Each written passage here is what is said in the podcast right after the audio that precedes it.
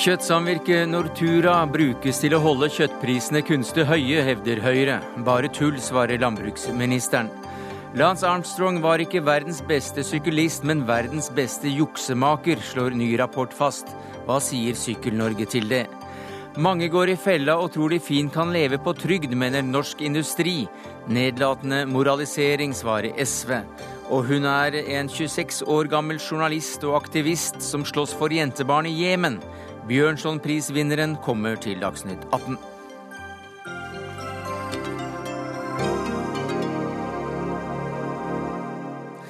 Ja, Det er noen av sakene i Dagsnytt 18 denne torsdagen, som vi avslutter med litteraturen som formet Norge fra 1.12.1948, men som begynner med hvem som er den aller gjeveste forfatteren i verden anno 11.10.2012.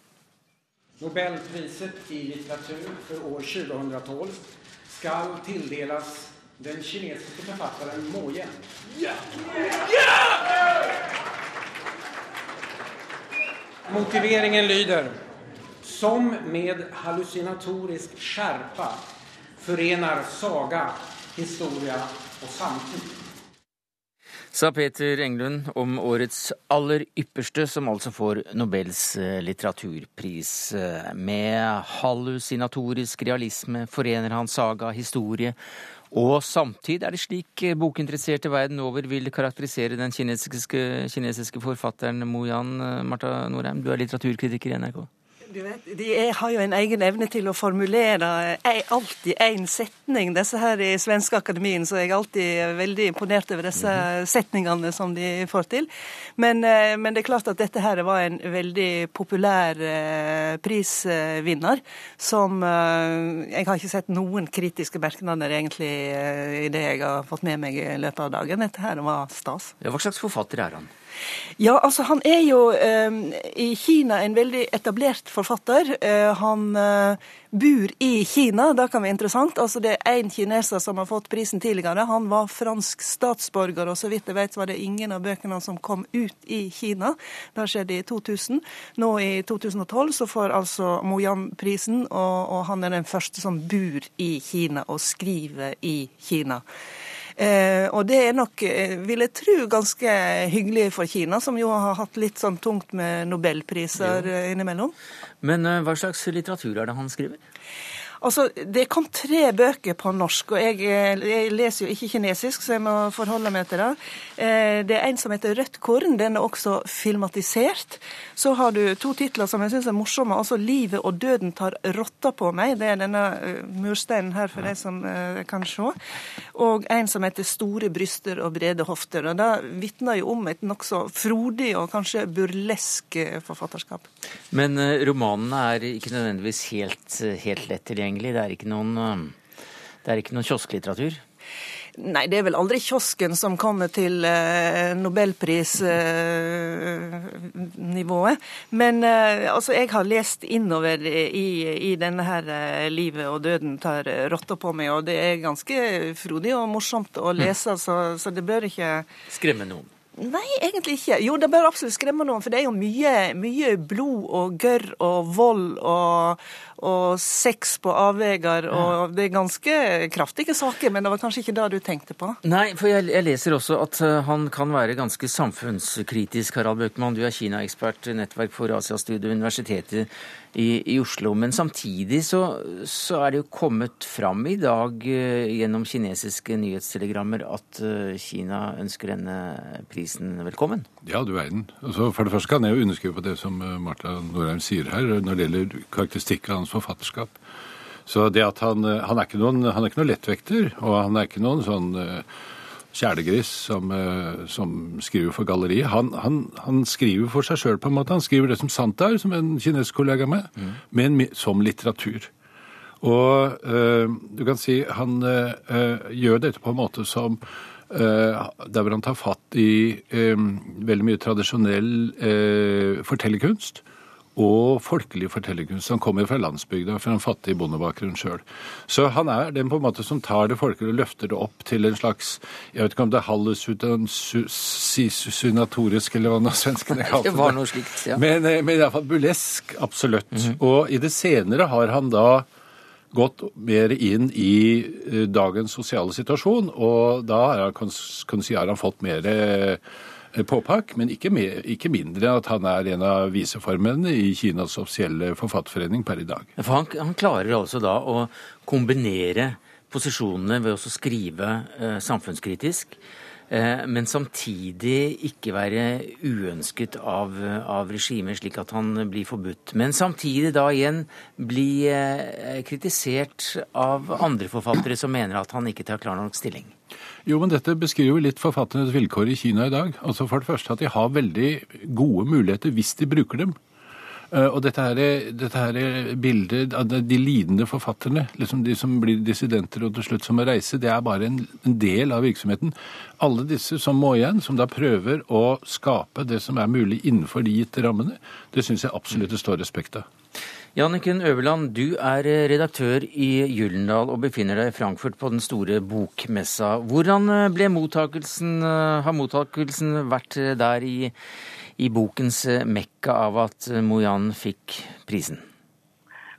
Du vet, Det er jo alltid stor oppmerksomhet rundt denne prisutdelingen når det skjer i løpet av en messe hvor liksom hele verdens bokfolk er samlet. Så det går en sånn bølge av begeistring gjennom disse store hallene. Og så havner den der hvor noen har gitt ham ut. Så, og jeg tror nok at veldig mange var glad for at det ble nettopp en som ikke var fra et anglo-amerikansk europeisk område. Men han er jo da også Gyldendals forfatter. eh, Det er i hvert fall dere som, som gir han ut. Eh, Hva syns du kjennetegner bøkene hans eller forfatterskapet? Da, jeg, da jeg oppdaget disse bøkene for eh, tre-fire år siden, så ble jeg slått av nettopp det som har vært nevnt nå. altså Det burleske og groteske. Altså overdrivelsen samtidig som at det er jo eh, Det handler om, om virkeligheten og om samfunnet, men på en sånn måte at du den kritikken som eventuelt er der, den er bakt inn i alt dette andre. Han har et livlig språk.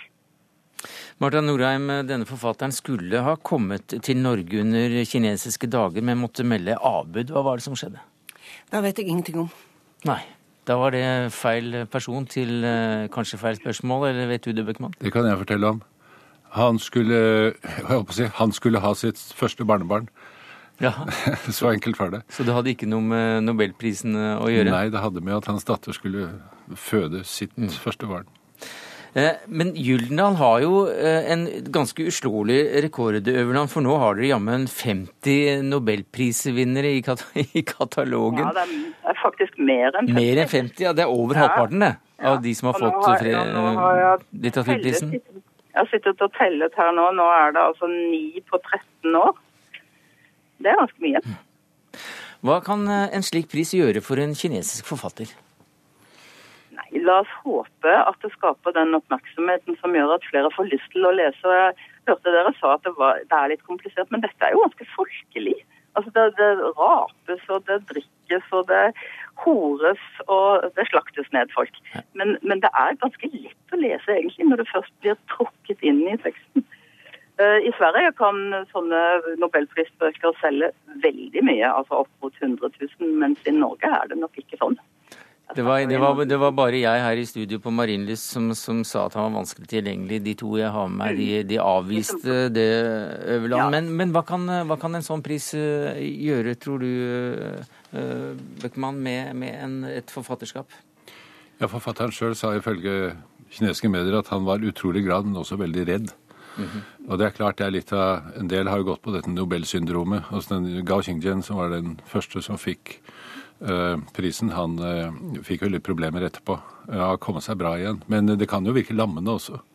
Eh, men eh, han virker såpass sånn eh, ja, rund og stabil på meg i det lille grad jeg kjenner til det, at jeg tror at dette kommer til å være veldig inspirerende. Og han sier jo ennå fremdeles at den store romanen har jeg ennå ikke skrevet. Underforstått, den store kinesiske romanen er ennå ikke skrevet, og jeg vil gjerne gjøre det. Men vi synes jo at vi kjenner kinesisk litteratur. 'Ville svaner' er jo en verk, eh, hvert bokklubben hjem. Altså, det er vel litt sånn som indisk litteratur at vi kjenner den via Storbritannia og ikke minst USA. For der sitter det jo fryktelig mange asiater og skriver om det landet som de eller kanskje foreldre eller besteforeldre forlot. Eh, og det er jo en veldig interessant eh, historie akkurat med da hva Kina, hva India, hva Afrika for den saks skyld er det de skriver om når de sitter i, i eh, London, New York eller Paris. Så det er jo en, en, en stor historie, egentlig, som er en annen historie enn eh, Mo Jans uh, historie. Men dette er altså den første kineseren som faktisk lever i fast, fastlandskina, som har fått eh, nobelprisen i eh, litteratur. Eh, litt overraskende, men ikke veldig. Nei, ikke veldig. Uh, og, du hadde han på en B-liste her? Ja, jeg hadde han på, på ei liste. Nederst på en A-liste? ja, jeg vet ikke, jeg hadde ikke A og B. Men, uh, men, jeg tenkte at han kunne være en av de aktuelle. Og jeg synes, I tillegg til at det er en kineser, så syns jeg også det er morsomt at det er en person som er født i 1955. Uh, rett og slett fordi at det er en forfatter som er midt i sine beste år som forfatter. Nå blir det jo sagt at denne prisen er en forbannelse for de som får den, kan aldri skrive en god bok igjen. Eh, det har vist seg å av og til være riktig og av og til være feil. Eh, og jeg får håpe at i hans tilfelle her så er det ikke riktig. Vi gratulerer uansett med dagen takket være Marta Norheim, litteraturkritiker i NRK, Harald Bøckmann, Nettverk for Asia-studier, og deg, Janniken Øverland, redaktør i Gyldendal. Hør Dagsnytt 18 når du vil, på nettradio eller som podkast. nrk.no – dagsnytt 18.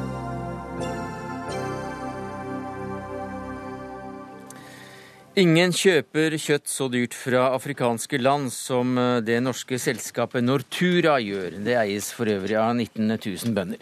I morges kom påstanden om at selskapet betaler så mye for afrikansk storfekjøtt for at den høye prisen her hjemme skal få oss forbrukere til å velge norsk kjøtt. Atle Guttormsen, du er professor i økonomi ved Universitetet for miljø- og biovitenskap eh, i Ås. Hva synes du om den påstanden?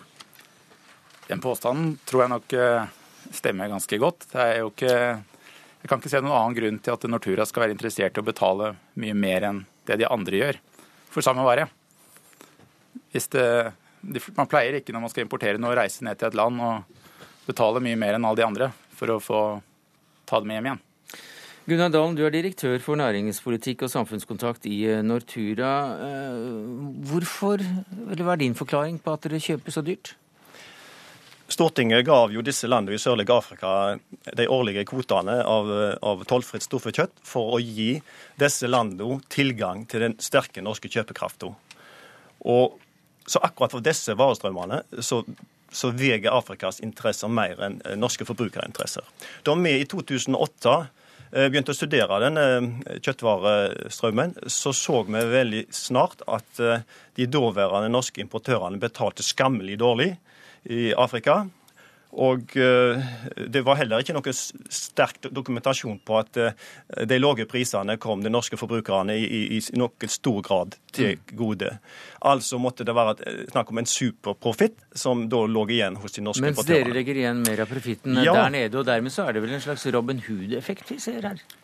Ja, man kan jo gjerne tro det. Eh, hadde jeg vært eier av Nortura, så hadde jeg valgt å gi pengene mine i bistand i andre former enn eh, via businessen jeg drev med. Mm -hmm. Så jeg tror kanskje ikke det er det eierne er mest opptatt av. At, de skal, at det skal liksom være sånn slags avlat, at man leverer litt penger til Afrika for å være snille. Ja. Dette er rent bedriftsøkonomisk for Nortura å tjene mest mulig penger i Norge og Og for at uh, også norsk kjøtt skal det er, for Natura så er det, ikke, er det ikke bra hvis det ligger en pakke med Namibia-biff veldig mye billigere enn norske, i norske disker. Da vil norske forbrukere se at den er mye billigere over tid. Altså, Det her blir å snu eh, det helt på hodet.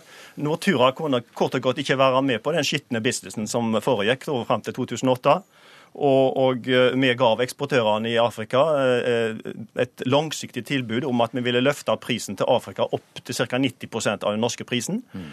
Etter tre år så kan vi konstatere at vi har gjennomført det. Og, eh, og, de er veldig happy for det. Den namibiske handelsministeren var i Norge for 14 dager siden, og han skrytte veldig av den snuoperasjonen som Nortura har gjennomført. Eh, selvfølgelig så, så har òg dette betydd at eh, de andre norske eksportørene har måttet gi mer av uh, høyere pris til det, på afrikakjøttet, men det skulle bare mm. mangle. Hva sier du som næringspolitisk talsmann i Høyre til dette, Svein Flåtten? Nei, til det sier jeg at Stortinget har aldri ment at Nortura eller noen andre skulle drive utviklingshjelp på denne måten. Det har vi faktisk andre budsjetter til. Mm -hmm. Ved å gjøre det på denne måten så holder man eh, de private bedriftene utenom som hadde dette markedet eh, tidligere. Og det er jo ingen tvil om at eh, nå er dette blitt et element i norsk landbrukspolitikk for å få en balanse i markedet, slik at man kan holde totalprisene oppe. Og jeg reagerer også sterkt på dette at det har vært skitten business tidligere. Jeg kjenner ikke detaljene i hvordan de private bedriftene har drevet der, men det er ingen tvil om at de kunne tilby rimeligere priser til også forbrukerne, og det er jo det vi snakker om her. Og så bare én ting til. Stortingets mening var at man skulle hjelpe eh, gjennom disse kvotene, namibierne og andre, mm. til å være en del av et fungerende eh, marked. Og det, det er vel det i dag, er det ikke det? Det er jo faktisk ikke hele veien. for da må, jo, da må, det også være et fungerende marked i Norge, hvor det blir konkurranse. Trygve Slagvold Vedum, eh, som landbruksminister så er du med å administrere dette her? Ja, og det er jeg veldig stolt over at jeg er med å administrere. Mm. Fordi at eh, når jeg møtte den namibiske handelsministeren her for 14 år siden, så, så, påpekte han det faktum at den norske importen av storfekjøtt fra Namibia var like mye verdt som hele EU sin storfekjøttimport fra Namibia.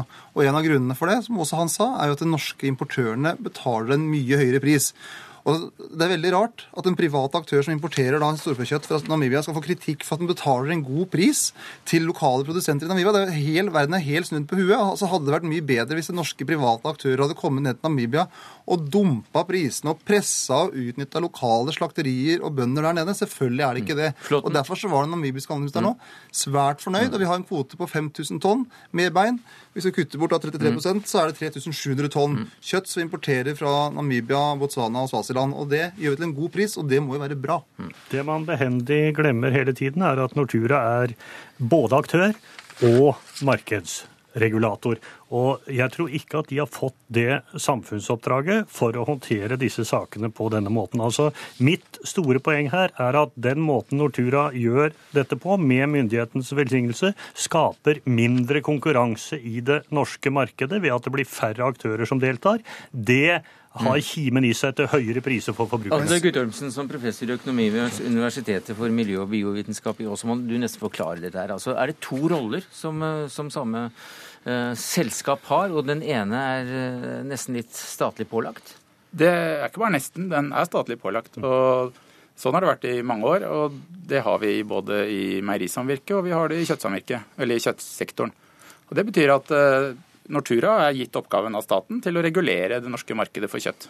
Samtidig som de er en, den råeste aktøren på, på både salg og slakt. Mm. Hva sier du til en slik dobbeltrolle? Nei, det er jo ikke noen jeg, jeg tror ingen kan mene at det er en heldig dobbeltrolle. Det fører til de tingene som vi økonomer prøver å unngå. Det fører, som vi liker at markedene skal unngå, nemlig konsentrasjon av makt og informasjonsulikhet. Mm. Vedum?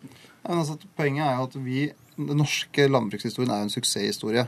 Det er over 50 000 årsverk i norsk jordbruk. Det er over 40 000 som jobber i norsk matindustri, den landbaserte matindustrien. Den skaper verdiskapning og arbeidsplasser rundt omkring. Det var atskillig før de rød-grønne begynte. Og det skaper arbeidsplasser rundt omkring i hele Norge. Jeg tror ikke vi skal, skal ta hele historien. Men også her blir det sagt at det er en uheldig dobbeltrolle. Hva ja, sier du til det? På, Nei, jeg vil nesten ha Vedum svar først. Okay. Altså, altså, vi har I Norge så har vi en markedsreguleringsrolle mm. som noen gjør på vegne av norske, norske storsamfunnet. Og det er for at vi, det å drive med kjøttproduksjon, drive med mjølkeproduksjon det er ikke, så Du kan ikke bare skru av og på en knapp der som du kan når du driver med skoproduksjon. Derfor så, er det, så har vi en markedsregulering på eh, landbruksprodukter, og den fungerer veldig godt. Og i de periodene da vi har for lite kjøtt i Norge, så importerer vi mer varer. Vare. Og den norske historien rundt landbrukssamvirket er en suksesshistorie, for den har gjort at vi kan ha landbruk rundt omkring i hele Norge, både med en mottaksplikt og en leveringsplikt. Og det er det som gjør at vi får brukt Norge, at vi får ha landbruk i Finnmark, ha landbruk i Troms, og at norske bønder har en trygghet for levering av sine varer. Og det er bra, ikke dårlig. Jeg syns det er merkelig at Slagsvold Vedum og Senterpartiet, og regjering for så vidt, aldri kan innse at det er et problem å både være en stor markedsaktør og det å være markedsregulator. Da må man være sitt ansvar bevisst. Jeg er klar over at Nortura kan gjøre som de vil som selskap, men vi har ikke noe uavhengig markedsregulator. Og når man samtidig er det, så bør man være veldig bevisst hvordan man håndterer markedet. Og myndighetene og Slagsvold Vedum bør faktisk også ha et skarpt øye på det. Altså Det er veldig lettvint, disse påstandene om dobbeltroller. Jeg vil faktisk påstå at... To, to roller, da? De, ja, men at ja. vi har, altså det er, det er en grunnløs påstand altså, i denne sammenheng. Vi har flere roller, men mm. i akkurat den importen fra Afrika så deltar vi på helt samme uh, linje som enhver annen aktør i Norges land. En er 100% konkurranseutsatt. Det, vi gir pristilbud, våre, våre, konkurrenter i Norge gir pristilbud, og det er eksportørene i Namibia og Botswana som, som, bestemmer hvem de vil bruke som sin salgskanal. Så de har påstått at, at Nortura bruker sin, sine forskjellige roller og, i, i, i, denne sammenheng. Det er fullstendig usaklig. Altså. Og dere betaler priser som ingen andre kan matche, og noen må til slutt få den regningen. Det er aldri noen hvis, gratis lunsj. Hvis, hvis de andre aktørene ikke klarer å følge våre priser, så må de gå gjennom kalkylene sine på nytt. De må stryke styrke den linja du tidligere hadde der det sto superprofitt, for det er det slutt på nå. Nå må de klare seg med mye mindre marginer enn det de hadde før. Nå er det rettferdig handel. Afrika får nyte godt av det. Det er ganske utrolig at Jeg syns jo det er interessant når eh, både Senterpartiet og Nortura snakker om eh, rettferdig handel og import. Vi må ikke tro at dette er dette er, for det første, Hvis man skal gi bistand, så er vel kanskje ikke Namibia det viktigste landet. Det er ikke derfor noen har gått inn der. Det at de kan ta høyere priser, ja, det kan ta høyere priser, for det er såpass lite kvantum det er snakk om.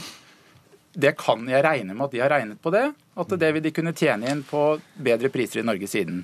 Det er ikke sånn at Nortura hvis man ser på det, driver så veldig mye bedre enn alle de andre. Hvis man ser på regnskaper og hvordan kalkyler og sånn, så er, er, ikke det noe entydig. Så jeg tror det at de betaler mer, det de har nok regnet på det, rett og slett. Det håper jeg da, og det vil jeg som eiere tro at de har. Eller de eierne må jo regne med det. Det er ganske utrolig at en privat norsk aktør skal få kritikk for at den ikke er kynisk.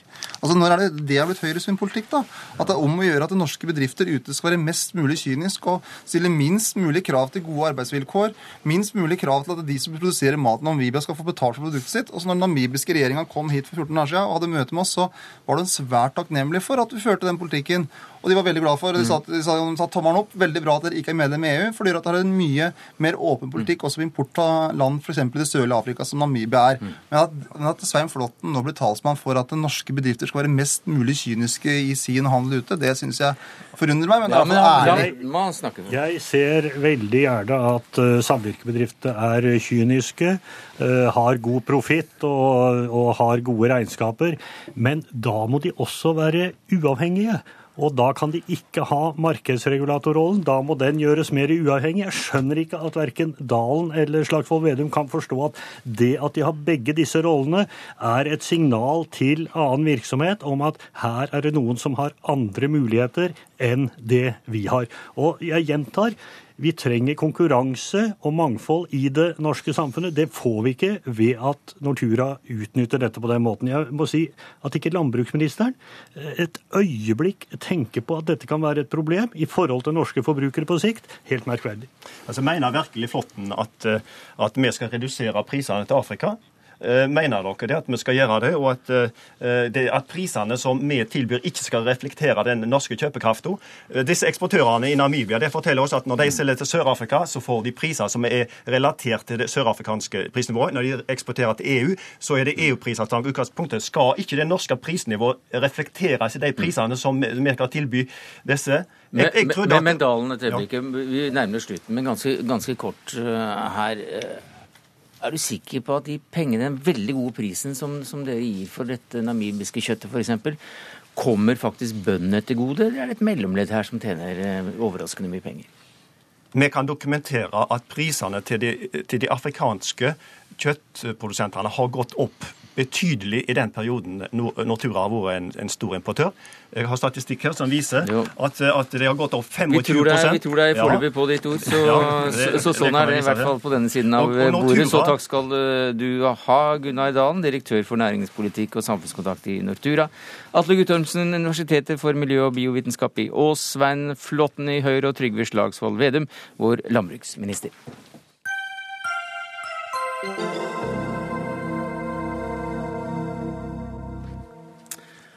Barnebruder er en av de største hindringene for eh, utvikling i eh, verden. Ja, Det slo UNICEF fast i Dagsnytt i morges på FNs første internasjonale jentedag. En av dem som har vært med på å sette fokus på barnebruder, ja, det er den 26 år gamle Wushud Mejali, som i dag fikk vite at hun er kåret som årets Bjørnson-vinner. And congratulations, Wushud Mejali, and welcome to Dagsnytt 18. Thank you so much. Uh... I have made it. Jeg greide det. Du greide det? Ja. Flott. Snakker Så, norsk? Litt. Litt norsk. Lite, kanskje, ja. Bor på Lillehammer? Ja, jeg ja. liker Lillehammer. Tell us about the situation for young girls in Yemen today that got you interested as a journalist. Um, actually, it is my own fight personally. So, as a woman, since the very moment I was born in Yemen, I have noticed that there was something less about me. So basically, um, there are many issues and challenges that the women face in Yemen and in the in the Arab region, uh, such as um, discrimination, inequality.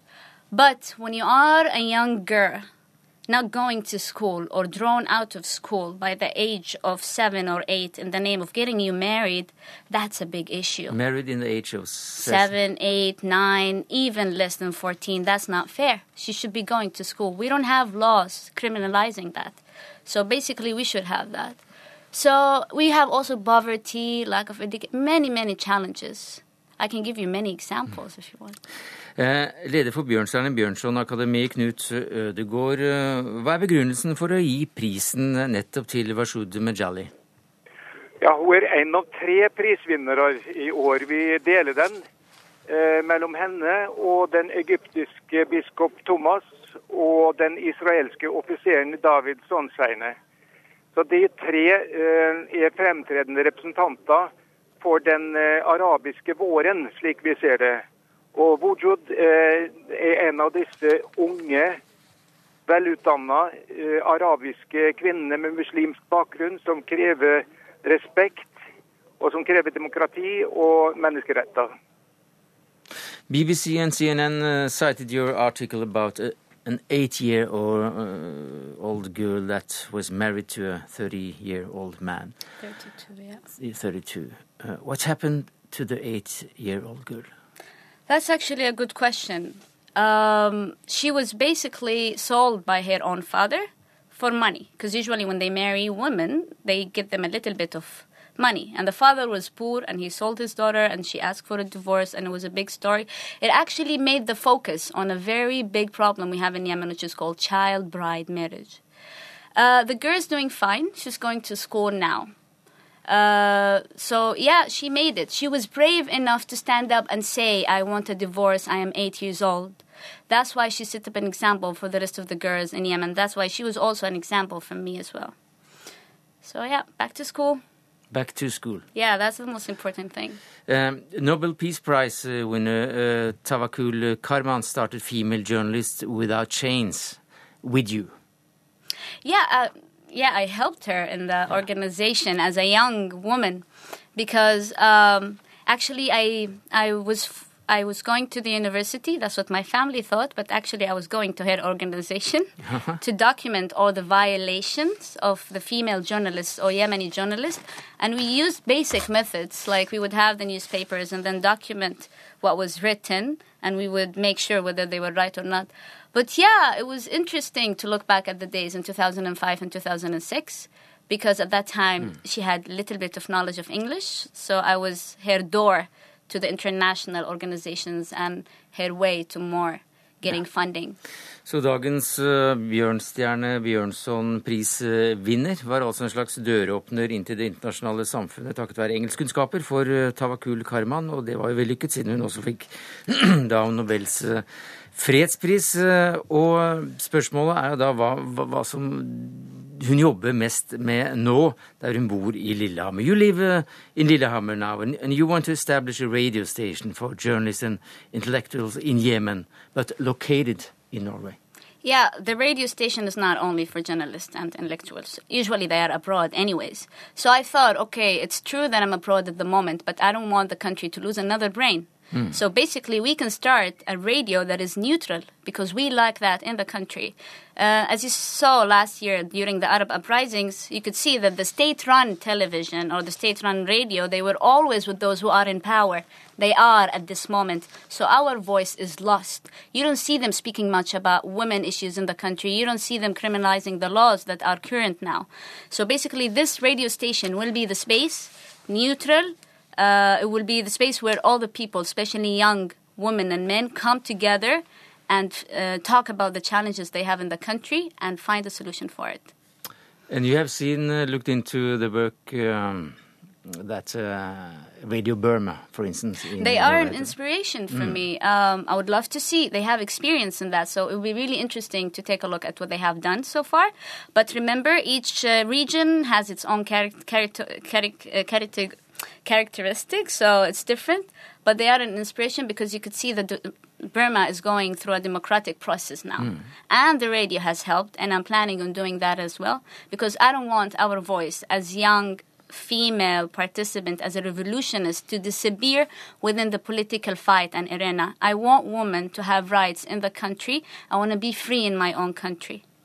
Hun vil være fri i eh, sitt eget land og hjelpe til eh, med den utviklingen eh, ved å danne en organisasjon som skal stå for driften av en radio i Norge. How do you feel connected to the Arabian Spring? Um, I, I feel so much connected because when I went down the streets, I went down for my own revolution. Mm. I went down because I wanted to have better laws for women. I wanted to live in my own society where I'm not judged because I'm not wearing a scarf. Where um, I wanted to, I wanted to do that, but obviously it has revolutions don't go the way you want, and it's too early to tell of what will happen.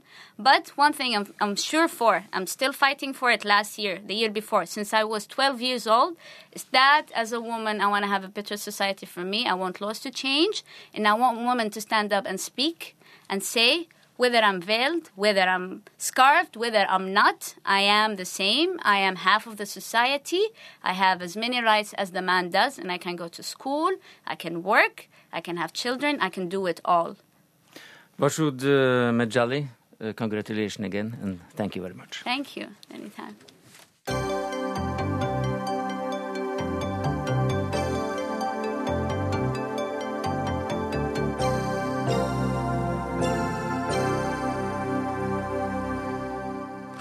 Ja, Mannen som år etter år trillet inn med den gule trøya på Champs-Élysées, var altså en juksemaker. Vinnermaskinen Lance Armstrong med sju totalseiere i Tour de France sto for det mest sofistikerte, profesjonelle og suksessfulle dopingprogrammet verden noensinne har sett. Det konkluderer rapporten på over 1000 sider som amerikanske dopingjegere kom med i går. Anders Kristiansen, eh, du er sportsjournalist i VG, og du har fulgt Armstrong og denne saken i en årrekke. Hva er det som kommer fram i denne rapporten på over 1000 sider som det amerikanske antidopingbyrået nå har lagt fram? Det er en knusende rapport, som du sier, på 1000 sider, som, som eh, inneholder vitnemål, som inneholder eh, dokumenter, overføring av penger, enorm detaljrikdom om hvordan eh, Lance eh, Armstrong skal ha dopet seg gjennom en årrekke. Hvordan han har regissert dette her, og hvordan han har, eh, hvordan han har jukset seg til topps og blitt et av verdens største idrettsnavn. Tusen sider, er det troverdig? Det er vanskelig å si noe annet enn at dette er veldig troverdig. Så dette kommer han rett og slett ikke unna? Det skal ikke jeg si, men jeg tror nok ikke det, nei.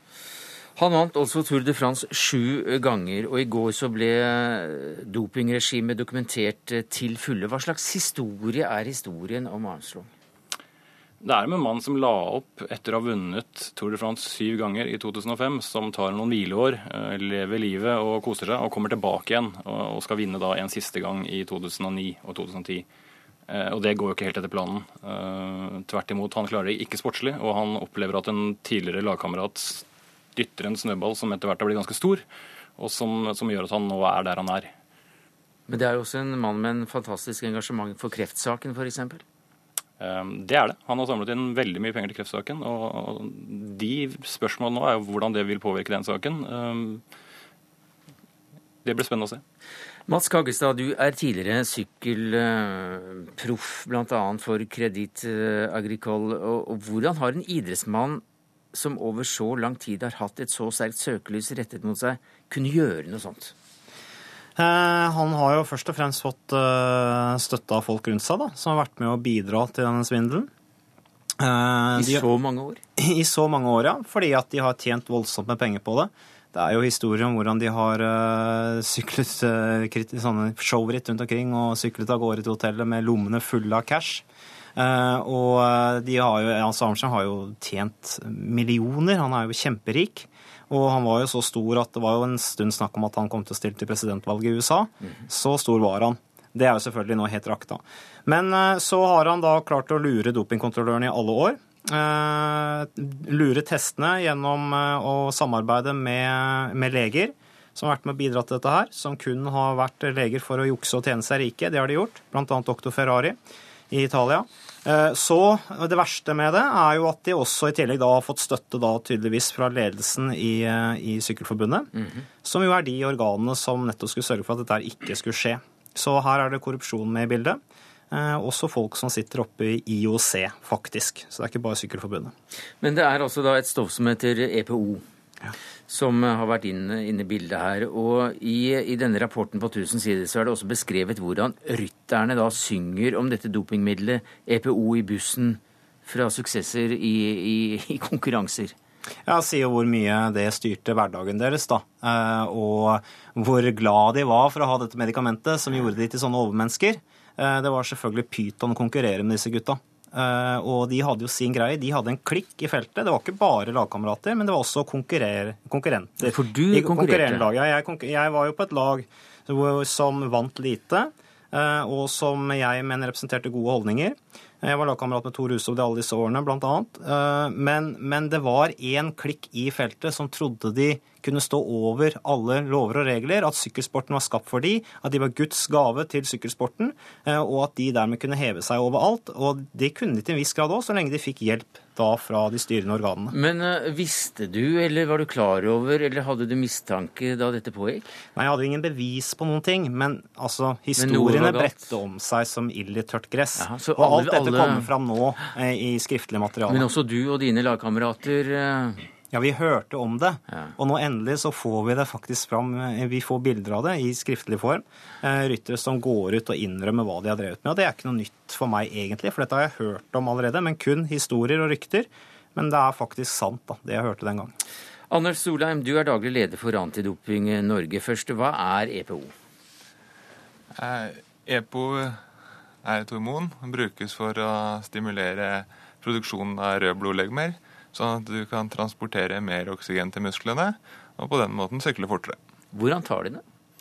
Nei, de, blant annet gjennom bruk av sprøyter. Så de setter sprøyter på seg selv eller på hverandre, eller de får leger til å hjelpe seg? Og... På det nivået så har de jo et medisinsk støtteapparat.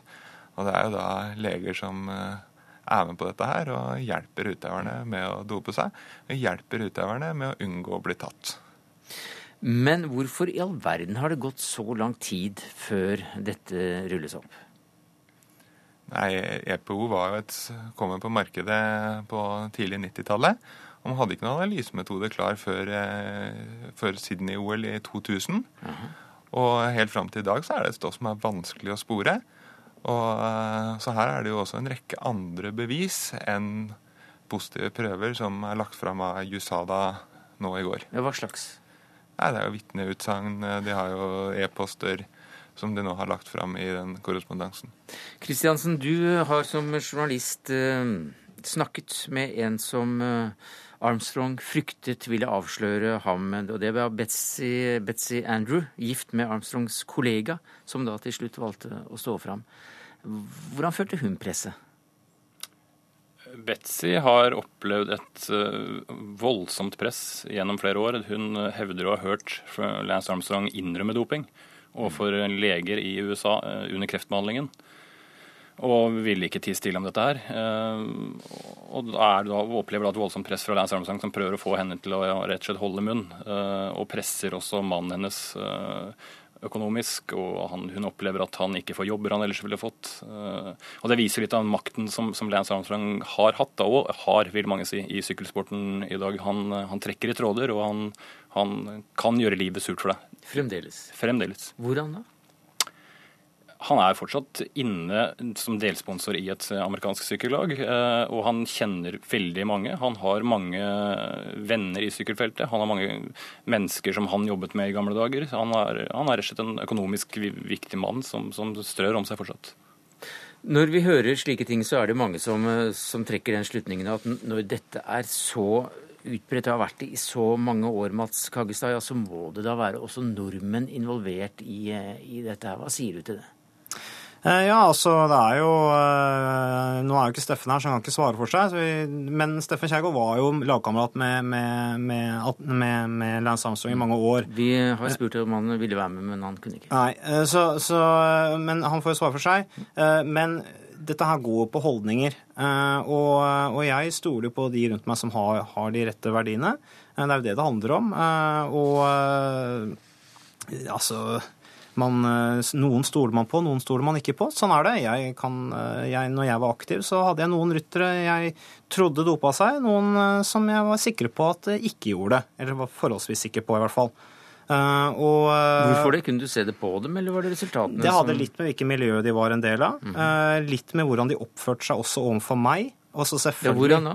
Nei, noen var litt paranoide. altså De var redd for hva du tenkte om dem. Mm -hmm. De trodde at du trodde at de dopa seg. Mm. De følte at eh, kanskje vi var et miljø hvor vi sto for andre ting, og så ned på de.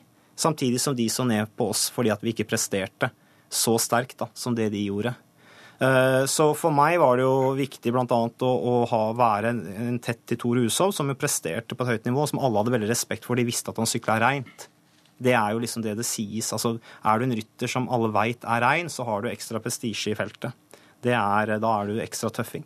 Men, eh, men, eh, også hvordan. Det gikk jo på mye hvordan folk presterte. altså Når man så prestasjoner som var helt uh, vanvittige i form av, av, styrke, så ble man jo automatisk litt mistenksom. Når det skjedde igjen og igjen og igjen, så lurte man jo på hvorfor de ikke ble tatt i doping, rett og slett.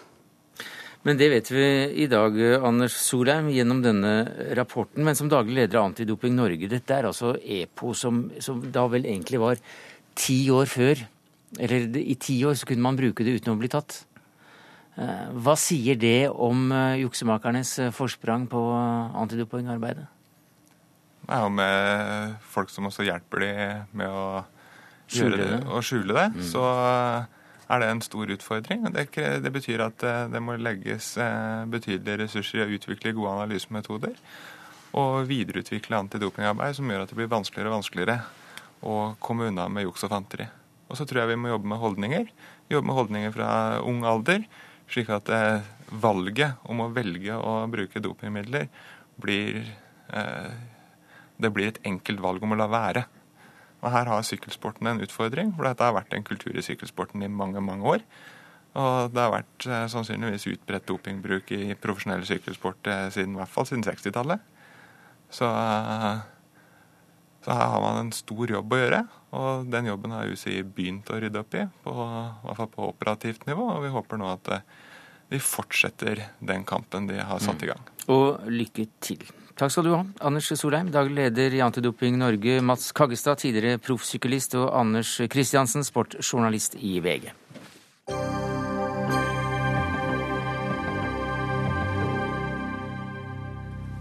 Det gjør noe med oss psykisk at staten har så mye penger. Mange går i fella og tenker at de kan leve fint på trygd. Eh, slutt. Det sa Stein Lier Hansen som administrerende direktør i Norsk Industri eh, til avisa Vårt Land i går, etter at tallene viser at nær 1,5 million mottar ytelser over folketrygden her i landet. Eh, Karen Andersen, du er første nestleder i arbeids- og sosialkomiteen for SV. Og på din blogg skriver du at eh, om og om igjen spres det usannheter om folk som trenger trygd. Hva er det som ikke stemmer her? Nei, Det første er jo at uh, den store økningen på trygd, det er jo eldre folk. Det er jo mange gamle i dette landet etter hvert, og etter hvert har de tjent opp pensjon nå, så det koster jo litt, men jeg er veldig glad for det. Mange av dem jobber faktisk mer nå og ved siden av eh, det å få pensjon. Eh, og det er, ingen, altså det er et økning i antall eh, som går på uføretrygd òg, men andelen av befolkningen går ned. Jeg har med meg statistikken her som viser det nå. Det er ikke flere på sosialhjelp heller. Og det ene er at jeg reagerer på at man misbruker fakta og ikke sier fakta. Det andre er jo at det er faktisk en del som sliter. Ungdom f.eks., og vi vet òg at det er mange som har psykiske plager. Og så er spørsmålet hva gjør vi med det? Og da reagerer jeg på sånne utsagn som Lier Hansen har kommet med, for jeg mener at det både stigmatiserer og moraliserer fra folk som har det bra sjøl, og som har maktposisjoner. Ja, De velbergedes det, nedlatende ja, moralisering over gamle syke og arbeidsløse. Ja, og det gjør faktisk at færre greier seg. For det, det ene er det som hvem i all verden er som vil ansette folk som noen har stempla på denne måten og sagt at de er late. Og jeg, jeg kjenner jo veldig mange av disse folka. Ingen av dem som ønsker seg et liv på trygd. De er forferdelig nedfor, veldig mange av dem. Og de blir for å si sånn, De blir kjempeutslått av å få slike meldinger hele tida. De trenger noen som oppmuntrer seg, og de trenger noen som vil ansette dem. Da går det bra, for det har jeg jo sett. Stein Lier Hansen, som administrerende direktør i Norsk Industri, så var det også du som satte i gang eh, dette her i denne omgang. Hva sier du til at eh, du da svarer på vegne av de velbergedes nedlatende moralisering over gamle syke arbeidsløse, der de tilegnes dårlige holdninger og lav moral. Ja, det mener jeg jo er en beskrivelse som er feil. Eh, det jeg har sagt og det jeg har understreka, det står veldig sterkt. Det er at Lier Hansen understreker at ordningen som stimulerer folk til å jobbe, er viktigere enn å kutte i trygdene, fordi de som virkelig trenger trygdeordningene, ikke må straffes. Det jeg kritiserer henne for, og politikere for, det er at de ikke har vært villige til å føre en politikk hvor du styrker de offensive virkemidlene for å hindre at folk kommer på varig trygd, for å få de med restarbeidsevne tilbake i arbeid. Og så er det ikke sånn at ikke næringslivet gjør sin jobb. Vi er med i prosjektet Ringer som vann, og 70-80% av de som faktisk kommer på jobb etter attføring, de havner i det private. Så her er det veldig mye billig retorikk. Mitt poeng, la meg få lov til bare, jeg skal være veldig kort.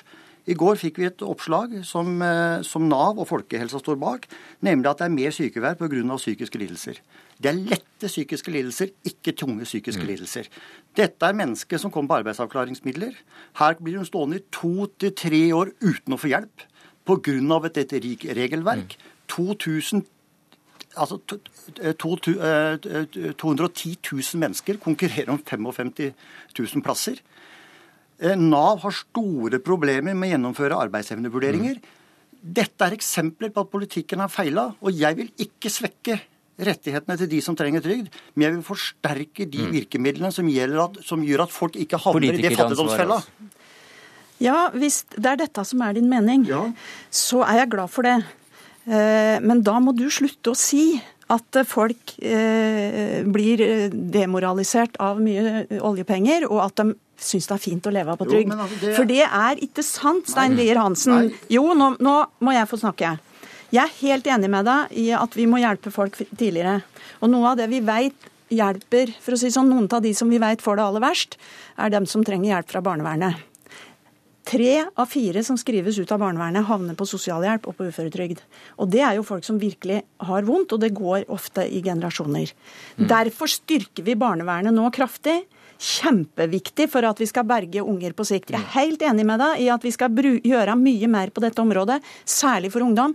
Men slutt å fortelle de historiene om at de egentlig er late og liker å, liker å leve på trygd. For det treffer de folka som skammer seg fra før, og som blir arbeidsuføre av det. Du finner ikke Et setning ved å si at noen liker å leve på trygd, men jeg savner en motivasjon som gjør at du stimulerer sterkere. De tenker at det er fint å leve på trygd, sto det i hvert fall. Nei, ja, ja, du må gå tilbake til kilden, men poenget er at ja, Det står i Vårt Land, og det, det er sitert, og vi har snakket med deg om det, så du har vel kanskje sagt det? Jo, men altså i en helt annen setting. Jo, jo. Vi har en professor her, som driver uavhengig forskning på Universitetet i Oslo, Ivar Frønes. Han har skrevet boka 'Annerledeslandet'. Den bør alle lese. For den forklarer nemlig om psykologien som vi nå må ta fatt i. Og Det er ikke at folk er late, men det er klart at når vi ser at flere og flere nordmenn ikke ser sammenheng mellom arbeid, karriere og velferd, da har vi et problem. Og Det er det jeg vil ta fatt i. og Der mener jeg at både Kari og andre har vært altfor opptatt av de defensive ordningene. Altfor lite opptatt av de offensive ordningene. Og For å ta ett eksempel. 15.9. i år så feirer et firma ettårsjubileum. Et aksjeselskap som heter Pileus. De har bemanna med folk med Aspergers syndrom, altså høyautisme. De har brukt de ekspertenes sterke side til veldig sterk billedbehandling. De har ikke fått ei krone for staten. Det er på tross av politikken, ikke av politikken. Og jeg vil ha en diskusjon rundt det. Ja, og dette handler om det som jeg kaller sosialt entreprenørskap, og som vi nå har begynt å prate om. Det er jeg veldig glad for. Men det som, det som du ikke skjønner nå, nå sier du at du ikke har sagt det heller, har stått i alle avisene, og jeg har ikke hørt at du har tilbakevist det i det hele tatt. Problemet her er at når man sier sånne ting om folk, så krymper du dem. Og du krymper dem i andre folks øyne òg, og i, i arbeidsgivernes øyne. Og jeg veit ja, at det bor fryktelig mye talenter og, og, kunnskaper i mange av disse ungdommene, og også mange av dem som har psykisk sykdom. Det går an å bli frisk av det, men man blir ikke frisk når liksom folk som er for å si sånn, direktører, sånn som du er, og som tjener godt og som har det fint, antyder at de liksom ønsker seg et liv på trygd. Da går de baklås for mange. Greit det, men da blir de iallfall friske hvis dere lytter til meg og sørger for at de ikke blir satt ut av arbeidslivet i to-tre år og blir enda sykere. For den beste ja, måten å kurere folk med svake psykiske lidelser på, er nettopp å sørge for at de er en del av samfunnet, er en del av arbeidslivet. Ja. Og da må du også legge til rette for det, du som har et politisk det... ansvar for det. Ja, for det du, det, du sier der at dette problemet har kommet i skyggen fordi vi i Norge har hatt penger nok til å la systemet gå rundt. Ja, det mener jeg bestemt. Altså den underliggende veksten i denne delen av statsbudsjettet er langt høyere enn den underliggende veksten i resten av budsjettet. Og dette hadde aldri skjedd hadde ikke vi hatt så mye penger at vi på en måte kan la dette skuret gå, istedenfor å gripe onde med rota. Ja. Men, det, men det, er dette, det, er dette, også som blir feil, fordi tallene viser jo at dette ikke er sant. Statsbudsjettet er det statsbudsjettet feil? Tal, jeg har alle tabellene fra statsbudsjettet her. Ja. Den store økningen handler om alderspensjonister. Jeg, ikke bare det. Jeg regner med at du og jeg er enige om at de har fortjent trygden sin, ja. og den skal de ha i fred. Ja. Det, som, det, som, er et problem, er jo disse ungdommene som detter ut. Der setter vi inn masse innsats nå, og særlig på barnevernet. Jeg gjentar det. De vonde liva som skapes der fordi unger ikke får hjelp, det er vi nødt til å stoppe. Mm. Og vi, vi, setter inn tiltak overfor ungdom nå. Vi bedrer skolen, sånn at flere får muligheter til å finne mm. andre måter å, jo, å tilegne seg kunnskap på. Det er bra, men du trenger motivasjon. Ta Finnmark. Mm. I Finnmark vi kan så... ikke ta hele Finnmark her, jo. men det får du kanskje anledning til. For du skal uh, sammen med Karin Andersen her videre til debatten på NRK1 klokka 21.30 i kveld. Sammen med bl.a. arbeidsministeren, der spørsmålet er har vi det for bra på trygd.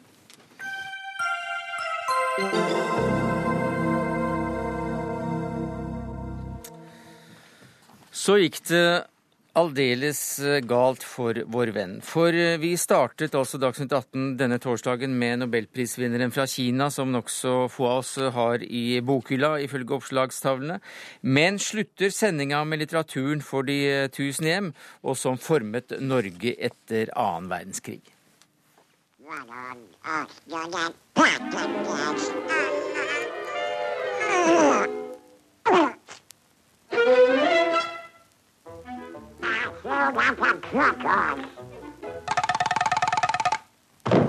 Ja, Vi hørte altså et nebb møte veggen og komme krøllete fra det. Men Donald har vært eh, mer enn eh, en eikjær antihelt for unga her hjemme siden 1949, skal vi tro denne boka, 'Donald-landet', med undertittelen 'Hvordan en and i matrosdress formet den moderne Norge'.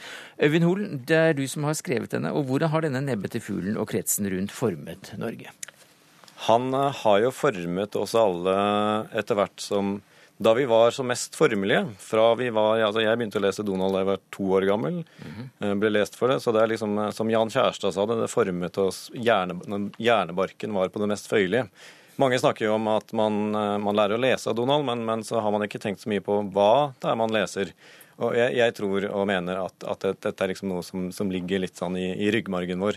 Vi, vi, har lært å se verden gjennom Donalds øyne, og har jo en helt unik posisjon i Norge og, og resten av Norden i forhold til, eh, til resten av verden. Og, det er jo helt uh, abnormt. Du, du, kan ikke gå et sted uten å snuble over Donald-bladet. Det er solgt det er solgt 330-340 eh, millioner ja. eksemplarer av dette eh, ukebladet siden 1948. Hvis hver lese, hvert eksemplar har en tre-fire lesere, så blir det en del av oss. Men eh, hvor er det du ser det, at det har hatt noen faktisk påvirkning?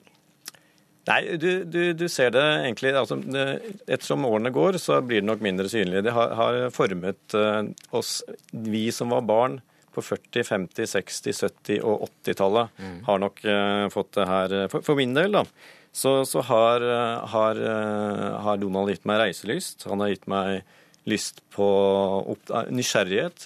Jeg tvang resten av familien til å begynne å spise kalkun. Kalkunforbruket har jo økt med tusenvis av prosent etter at Donald kom til landet.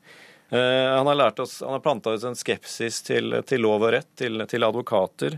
Sigbjørn Johnsen, finansministeren, fortalte jo at han lærte, lærte samfunnsøkonomi gjennom å lese Donald. Det var, det var, det var liksom vår, vår første blikk inn i voksenverdenen, egentlig.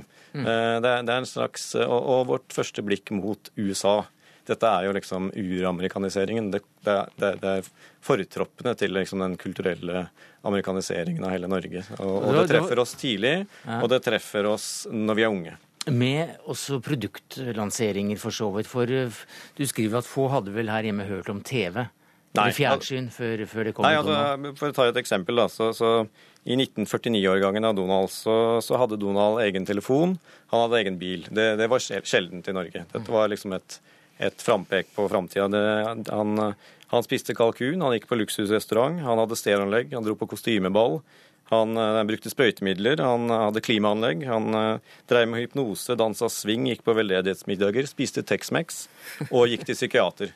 Alt dette var jo relativt ukjent for, for de som eh, hadde akkurat gjennomlevd krigen, men var jo et solid frampek. Det var en slags krystallkule da, over det som skulle, skulle komme. til Norge. 10, 20, 30, 30, 40 år ja. etter. Men også språket. Hva er det vi har å takke Donald for?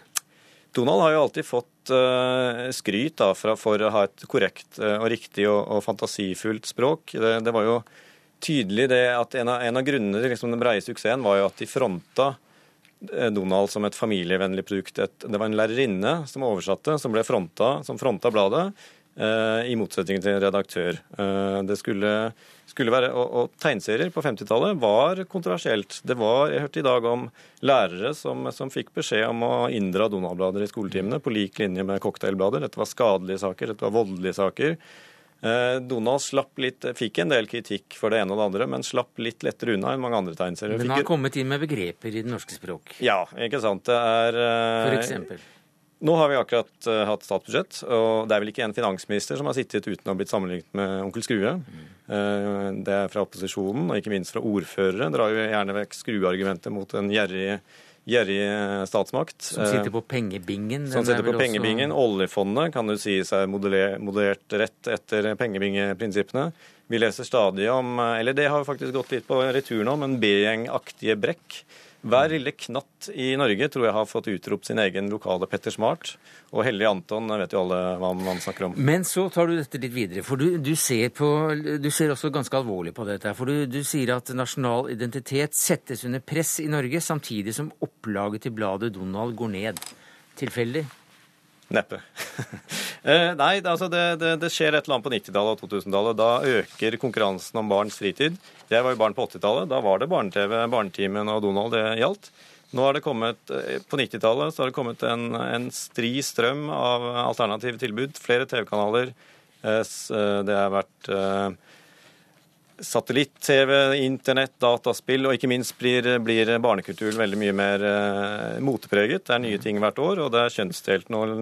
Bar barna i barnehagen, gutta, opptatt av superhelter og sjørøvere, jentene av Disney-prinsesser. Mens før var det? Da, da, Da Donald, Donald var en fellesverdi. Eh, Det var noe som liksom alle barn hadde felles, og alle generasjoner. For det er de samme historiene som trykkes på nytt og nytt. De beste historiene trykkes om igjen. Så, så jeg som leste Donald på 80-tallet, leste mer eller mindre de samme historiene som, Som som på 50-tallet.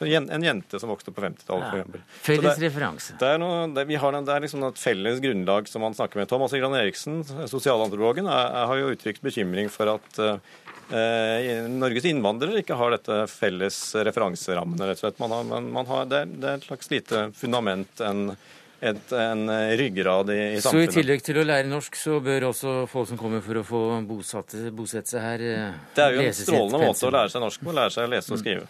Men har du noen gang spist firkantet egg? Nei. Nei. Så har- da har du ikke vært på det riktige stedet i, Andas? Ikke vært i Andas? Latin-Amerika ennå ennå heller, så jeg har ikke vært på Gufseplassen.